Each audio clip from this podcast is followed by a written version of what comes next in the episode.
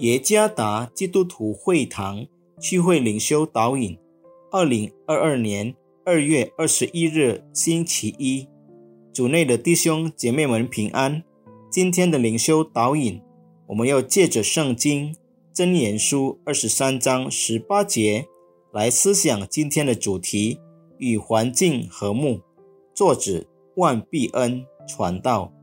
箴言书二十三章十八节。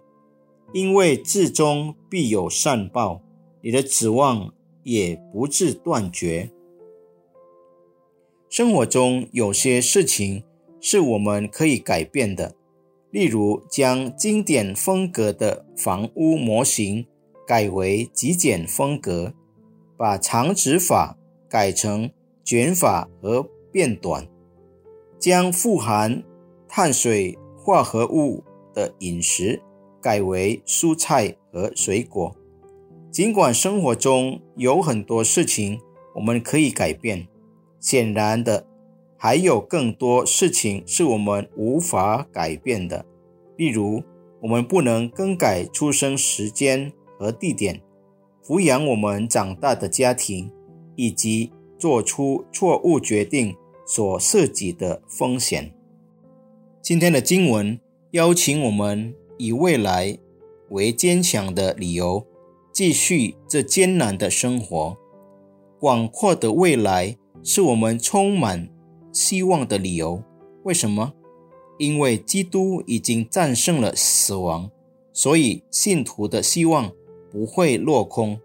在基督里，我们相信有一个充满希望的明天。对于昨天发生的一切，我们无法。改变，并做任何有意义的事情，但是我们可以透过与今生发生的所有事件和睦来克服它。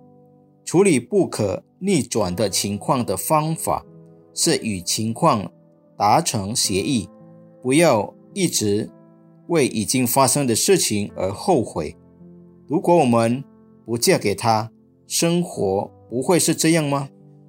或者为什么我刚才要经过这条路，否则就不会发生这件事？让我们学会停止因为已经发生的一切而后悔和折磨自己。我们学习与复活的基督一起生活。有了耶稣，我们仍有希望等待着我们。不要一直浪费时间感叹现况。